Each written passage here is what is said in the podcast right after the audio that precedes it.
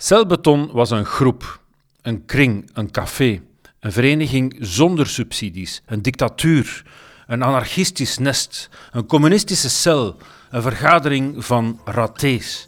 Een rotte plek in Vlaams-Vlaanderen waar men toen zijn mond niet durfde opentrekken. Het enige doel van celbeton was om de kuddementaliteit te doorbreken.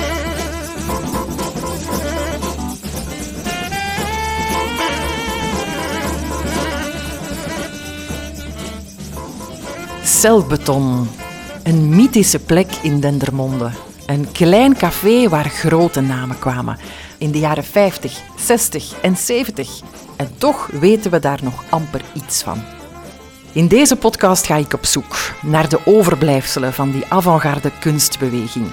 Wie kwam daar? Wat deden ze daar? En waarom gebeurde dat allemaal in die streek? Ik ben Tine de Donder, onafhankelijk podcastmaker. Ik hou van jazz en literatuur en kunsten toekoer. En ik ben heel erg benieuwd naar die underground kunstkring van zo'n 60 jaar geleden, waar ik tot voor kort nog nooit van gehoord had. In drie afleveringen neem ik u mee naar Celbeton en gaan we samen op zoek naar wat er daar gebeurde, op vlak van muziek, literatuur en beeldende kunst. Ga je mee?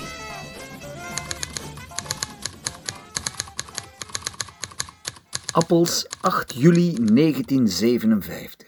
Beste Jan, Werner Verstraten uit Wichelen is mij komen opzoeken. Hij was gewapend met veel goede wil.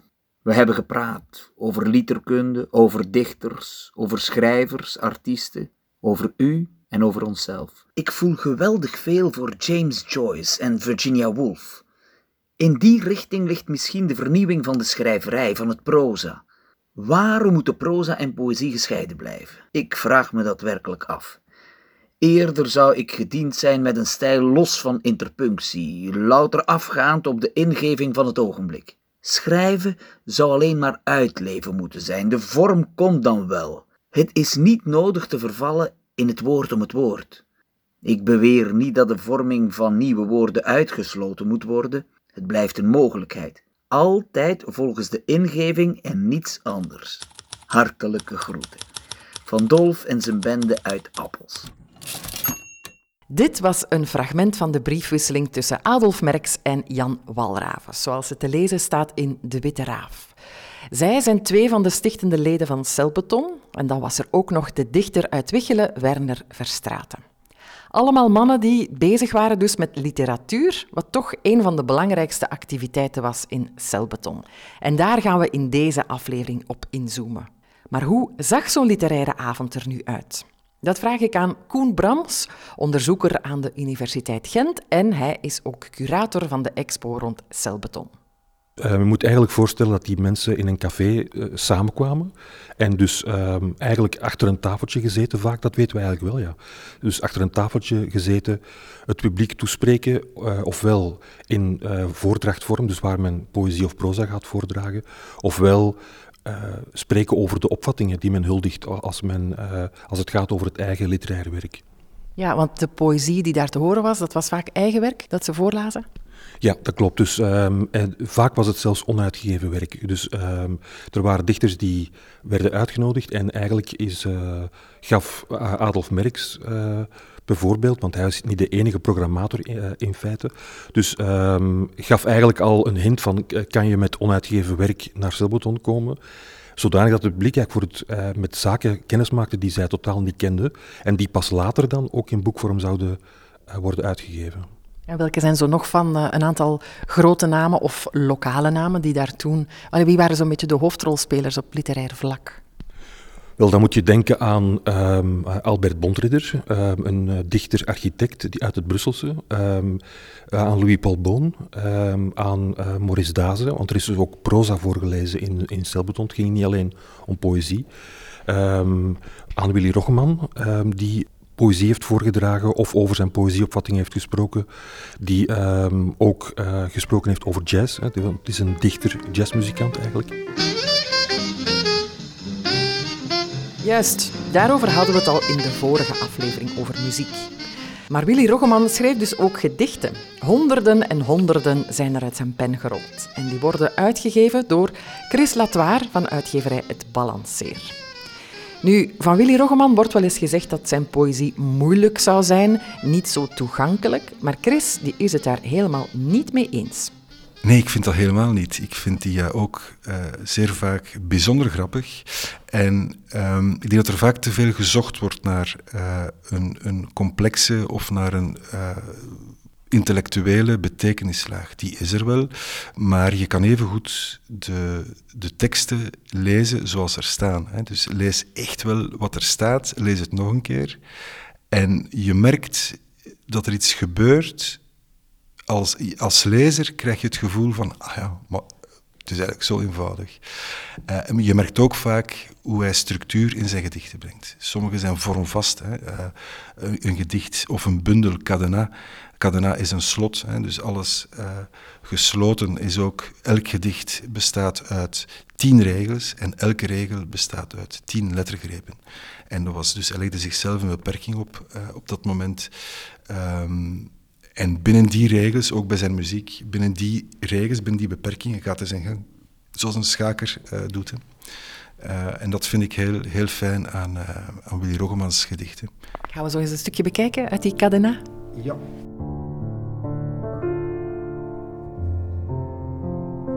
Weet goed, ik eet je nog dag in dag uit. Droog brood en water waarop je mijn droom gevangen zette. Plots staat de derde tussen ons, onbenoemd. Hier uh, lees je, ja, ik eet je nog dag in, dag uit. Uh, wil we zeggen van, hij denkt nog aan zijn geliefde. Uh, tegelijkertijd, uh, het eten, wat hij dag in, dag uit eet, is droog brood en water. Ja, dat is een serieus, uh, een serieus dieet. Hè. Dus zijn, zijn lief heeft hem eigenlijk op een, op een dieet gezet. Uh, met andere woorden, zijn lief heeft het uitgemaakt. Uh, en de derde die onbenoemd tussen hen gekomen is, kan je als lezer ook niet weten, maar je kan je toch wel voorstellen dat er een andere persoon is geweest. Een persoon of een gebeurtenis die het samen zijn onmogelijk maakt. Dus het is eigenlijk wel best expliciet wat hij schrijft. Uh, heel veel zaken zijn heel expliciet, ja. ja. Wat er ook uh, in zijn gedichten, de onderstroom van zijn gedichten, meen ik te stellen als erotisch. Hè. Dus heel wat erotiek die niet altijd vanuit een, de woordenschat of vanuit, vanuit het, of het heel vaste ritme uh, misschien niet altijd de vingerdik op ligt, maar uh, die je wel voelt van, oh ja, het gaat hier toch wel heel vaak over erotisch verlangen, over zijn relatie tot, tot een vrouw of een vrouwen. Nu, Willy Roggeman was niet de enige die de erotische tour opging. Claude Krijgelmans deed dat ook. Afkomstig uit Aalst en ook een zeer regelmatige bezoeker en performer in Celbeton. Chris Latoir geeft ook zijn boeken uit en hij vertelt ons iets meer over dat kinky kantje van Claude Krijgelmans. Uh, voor mij een van de meest markante en uh, frivole, interessante um, auteurs die uh, Vlaanderen heeft gekend, omdat hij ja, zowel theoretisch eigenlijk in zijn romans het experiment uitoefende, tegelijkertijd heel wat humor gebruikte, heel wat zwarte humor of ja, toch wel heel wat fratsen in zijn romans binnensmokkelde. En ook als auteur, denk ik, in eind jaren 60, begin jaren 70, stond hij mee aan de wieg van de Vlaamse pornoromans. Uh, dus taboe doorbrekend. Op dat moment uh, was het, het is niet zoals nu. Hè. Uh, pornoromans moesten toen onder, of porno court, moest onder de toonbank verkocht worden. Uh, Claude had ervoor ook een paar synoniemen in omloop die hij gebruikte als auteur voor het schrijven van, van die vieze boekjes eigenlijk. Ja.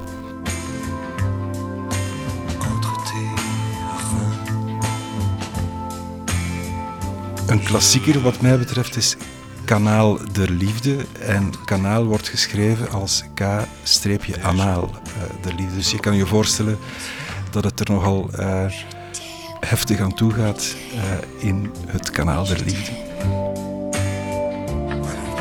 Nu, we zitten dan in uh, de jaren 60. Is, was er toen niet vrijheid, blijheid? Mocht dat toen nog niet? Pornografische boeken? Uh, blijkbaar was er toch wel uh, nog altijd een. de verzuilings was, kwam volledig aan bod in cultuurmiddelen ook. Hè. En, en de, de meer libertijnse of meer, bedenk ook wel, niet-katholieke boeken, waren toch wel moeilijker te vinden. zeker in, in ja, laten we zeggen, in, in de, de meer mensen die niet met kunst bezig waren of die niet um, tot een, een, een, beweging of, of een, uh, ja, het ontstaan van de rock- uh, en, en popcultuur ook, mensen die, die daar niet mee bezig waren. Voor hen was het toch nog altijd een probleem, ook al werd het heel graag verkocht onder de toonbank natuurlijk. Ja, zoals porno nog altijd bijzonder populair is, maar niemand uh, heeft ooit, of zegt ooit, porno gezien te hebben die dat toen hetzelfde was. Hè. Dus dat, men, dat de boekjes heel, ja, men spreekt, ik heb een interview met Walter uh, 10.000 exemplaren, voor zo'n uh, een, een boek dat onder de toonbank werd verkocht. En het vreemde vind ik ook, is dat je ze heel sporadisch maar ziet opduiken in de tweedehands boekenmarkt. Dus wil toch wel zeggen, oftewel zijn ze door de nabestaanden uh, of, of, de mensen vernietigd, hè, oftewel houdt men ze toch wel graag nog altijd in, in, uh, bij de hand, laten we zeggen. Oké, experimentele en erotische literatuur dus in celbeton, maar dat niet alleen. Wat hadden ze dan allemaal gemeen, de auteurs die in celbeton kwamen voorlezen uit eigen werk? Koen Brams. Laten we zeggen, de grootste gemene deler uh, gedurende de eerste jaren um, is Tijd en Mens. Dat is een tijdschrift dat werd opgericht in de jaren 50 onder impuls van Jan Walrabes, waar uh, Louis Paul Boon, Hugo Claus en dergelijke bij betrokken zijn geweest. En dus um, zij woonden allemaal in deze streek en ze kwamen graag samen in het, in het café, um, waar ze dan uh, naar elkaar luisterden en zelf poëzie ook, of proza voordroegen. Want bijvoorbeeld Boon heeft enkel uh, proza voorgedragen. Dus uh, hij was bezig met die blauwbaardjes teksten. Uh, dus eigenlijk, laten we zeggen, giftige sprookjes of grimmige sprookjes. En die las hij voor in, in Celbeton. De mensen van Tijd en Mens huldigden een vrij radicale opvatting op het slag van poëzie en proza. Dus zij gingen voor de vrije poëzie, dus niet de poëzie die in een strak klassicistisch kader zit. Um, kan je dat eens uitleggen, vrije poëzie? Wel, het gaat dus eigenlijk over de vrije versvorm en een poëzie die niet gedicteerd wordt door, uh, door regels. Hè. Dus uh, geen sonnetten, waar je dus echt hele dwingende regels hebt. Um, dat betekent ook dat het rijm niet uh, noodzakelijk was. En bovendien, en dat is wel het, het, meest sterke eigenlijk, ongelooflijke baldadige beelden. Hè. Dus die, die, die poëzie werd echt gekenmerkt door een, door een ongelooflijke wilde metaforiek. En dus als we kijken naar de eerste dichtbundel van Werner Verstraeten, dus de medeoprichter van Celbeton, uh, als we kijken naar zijn poëzie in zijn debuutbundel, uh, eh, 17 Hutten, ja, daar staan dus werkelijk krankzinnige beelden in. En dus um, je zou kunnen zeggen dat, dat hij aan de hand van die metaforiek echt ook een, een greep deed naar de vrijheid die hij, die hij wilde opzoeken.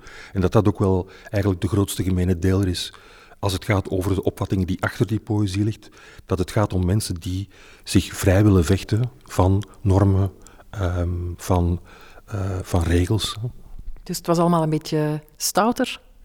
Het was best stout, maar het is eigenlijk... Um, het, het, was niet het stoute om het stoute in celbeton. Uh, tenminste, als we echt kijken naar, um, naar, naar die 19-jarige geschiedenis. het was wel een um, ja, het bevechten van de vrijheid. Um, die uh, op het einde van de jaren uh, 50 toch nog uh, fel beknot was, zowel als het gaat over het politiek-maatschappelijk bestel als wat de opvattingen waren over hoe dat je proza of poëzie moest schrijven. En daar wilde men uitbreken. Uitbreken uit de gangbare opvattingen over poëzie, dat klinkt nogal spannend. En dat trok grote namen naar Celbeton, zoals bijvoorbeeld Hugo Claus. Ik vond een fragment uit 1962 van de toenmalige BRT. Het is een interview van Karel Geirland met Hugo Claus.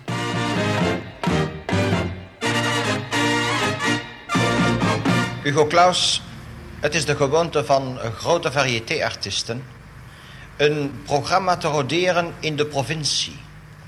Is het daarom dat gij uw tentoonstelling houdt in celbeton, te Dendermonde. Door het feit dat ik een Dendermonde tentoonstel, houdt Dendermonde op een provinciestad te zijn.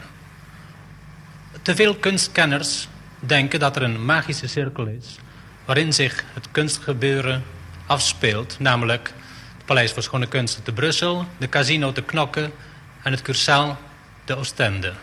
Ik heb deze magische cirkel verbroken door in Dendermonde tentoon te stellen. En ik zal deze show ook roderen in Zwevegem, Oudergem, Zoetenaaien en Lampernisse. Dat verhaal over die tentoonstelling dat krijgt u in de derde en laatste aflevering van onze podcast. Deze gaat vooral over literatuur. En de naam is hier al eens gevallen. We kunnen niet om hem heen, de schrijver uit Aalst, Louis-Paul Boon. Daarvoor bel ik naar Lucas van der Talen, voorzitter van het Boongenootschap. Hallo? Hallo, dag Lucas. Goedemiddag. Het is Tine de Donder aan de lijn. Dag Tine. Ik eh, bel jou over Louis-Paul Boon natuurlijk en celbeton, want wij weten dat Boon daar graag kwam, maar heb jij enig idee waarom? Louis Paul Boon was een uh, weinig mondain, maar zeer sociaal mens die graag naar plekken ging waar hij zich uh, thuis voelde, waar hij op zijn gemak was. Uh, voor de Petite Histoire is een van de redenen dat Louis Paul heel erg zenuwachtig werd uh, op het einde van zijn leven als hij genomineerd was, ongeveer genomineerd was voor de Nobelprijs, uh, was hij daar echt zeer zenuwachtig over, omdat hij zich absoluut niet thuis voelde in, in, in hogere milieus met serieuze mensen en zo. En dat was iemand die eerder graag naar een volkscafé ging in, in, in Ermbotingen, waar hij woonde, of, of in Aalst dan naar, dan naar recepties of zo, waar hij niet goed wist hoe ze een houding te geven. Dus hij voelde zich geweldig thuis op andere plekken waar hij gelijkgestemden ontmoette. En natuurlijk, ja, celbeton, uh, dat speelde zich af in een café. Dus dat was absoluut geen uh, literair salon of zo. Dat, uh, en hij ontmoette daar mensen die hij kende, andere uh, Vlaamse en Nederlandse schrijvers. Hij was er op zijn gemak en bovendien was het interessant wat, wat daar verteld werd en kon hij daar ook over zijn eigen werk spreken. Hij heeft daar een paar boeken voorgesteld. Uh, ja, Bo was iemand die gewoon graag op café ging. Het was iemand die verschrikkelijk veel werkte, maar die dan ter ontspanning uh, graag een pintje en meer als één zelfs ging drinken. En dus kwam hij gemakkelijk in Celbeton. Ja, het was ook niet ver. Hè. Het was in, vlakbij Aalst, op, eh, op een kilometer of twintig van Aalst. Dus ja, hij, hij, is daar één keer geweest en een tweede keer en een derde keer. En hij is daar gewoon blijven komen. Ja, er waren op dat moment zo'n drietal literaire cafés in Vlaanderen en, en Celbeton was daar uh, één van. Het was, het was een plek, zoals ik zei, waar je mensen kon tegenkomen. Gelijkgestemden die geïnteresseerd waren in literatuur en schrijvers zelf. Dus uh, Boon die ging daar heel graag naartoe om, om die mensen te ontmoeten en ook om zijn werk voor te stellen. Hij heeft daar dus over zijn eigen boeken in die periode gesproken. Wat hij net, uh, als er een boek af was en uitgegeven, dan, dan werd daarover gesproken. Het is merkwaardig, zo'n plek is er bijvoorbeeld nooit in Aalst geweest. Hè? Is bij Dendermonde. Er was nog zo'n plek in, uh, in Gent ook, maar in Aalst is er nooit zo'n plek geweest. Dus hij was wel aangewezen om, om naar celbeton te gaan. Lucas van der Talen die vertelde ons het verhaal van Louis Paul Boon en celbeton. En ondertussen brengt mijn zoektocht mij bij nog iemand die er toen bij was op die literaire avonden in celbeton. Het is een dichter, een schrijver, Roland Joris. 86 is hij. Hij woont in Kalken in een heel mooi huis dat helemaal overgroeid is met groen. En daar, in dat verdoken paradijs vol boeken, daar vroeg ik hem naar zijn herinneringen aan celbeton.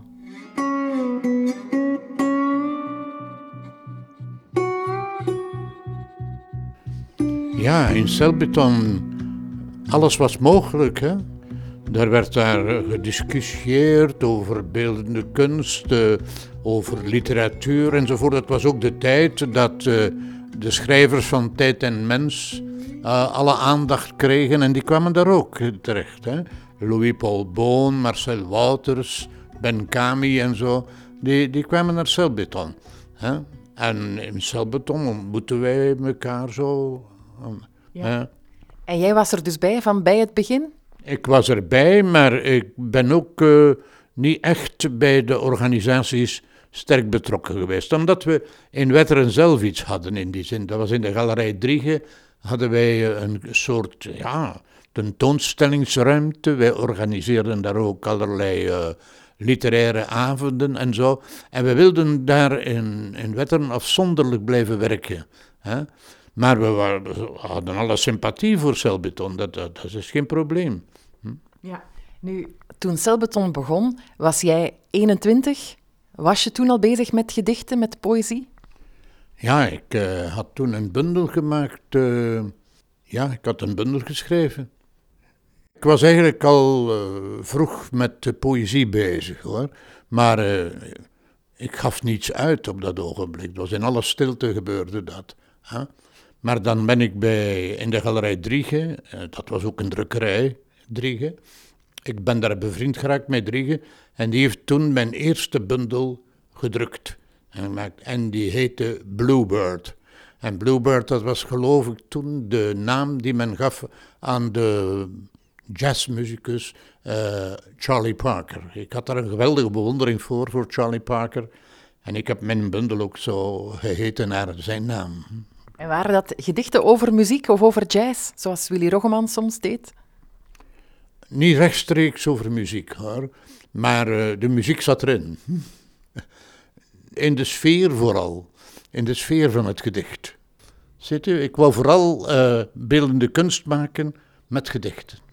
We gaan er zo eens eentje bij nemen. Kan je zo eentje tonen dat je zegt van dat is toch beeldende kunst? Of, of, of ik daar werkelijk in slaagde, weet ik niet. Het was meer een verlangen om het te kunnen doen. Maar ik zou niet zo rechtstreeks kunnen zeggen. Kijk, bijvoorbeeld, kijk, hier staat er een stuk van een gedicht uh, uit het gedicht Cataloog. Zo, cataloog, dat is een term die uit de beeldende kunst komt, hè, de cataloog van schilderijen. En dat begon als volgt. Onopvallende sculpturen in het museum van de zomer gezien. Een korenveld in fijne lijnen tot waar het gras begint collectief in de avondwind, lichtjes buiten zijn vorm buigend, maar voelbaar, geometrisch in zijn ruwe hoeken geduwd. Het gaat over schilderijen, het gaat over sculpturen. Ik wou uh, het plastische in de taal aanwezig maken. De, de, de, taal, die woorden moesten tastbaar worden. Dat, dat was mijn bedoeling. En in die zin voelde ik mij een beetje apart in de wereld van de literatuur. Ja, waren er geen collega's die dat ook deden? Ik denk dat Werner was ook wel uh, geïnteresseerd in beeldende kunst, maar niet zo. Uh, hij streefde meer naar een inhoud. Hè? Ik had eigenlijk geen inhoud. Ik wou vorm, ik wou tastbare vorm, voelbaarheid en zo. Ja. ja. Als je nu zo mag kiezen, Roland, uit alle werken die je geschreven hebt, heb je zo één dat je zegt, daar ben ik het meeste trots op, dat vind ik het mooiste gedicht? Of is dat een onmogelijke vraag? Dat is een onmogelijke vraag. Laten we zeggen dat ik er nog niet in geslaagd ben om dat uh, gedicht te maken dat ik zou kunnen zeggen, kijk, dat, daar gaat het over. Nee? Nee, ik, uh, dat is mijn doel om het ooit eens te maken. Maar ja, hm. Zover zijn we nog niet. En schrijf je nu nog? Ja, ik ben er altijd mee bezig. Ja. ja.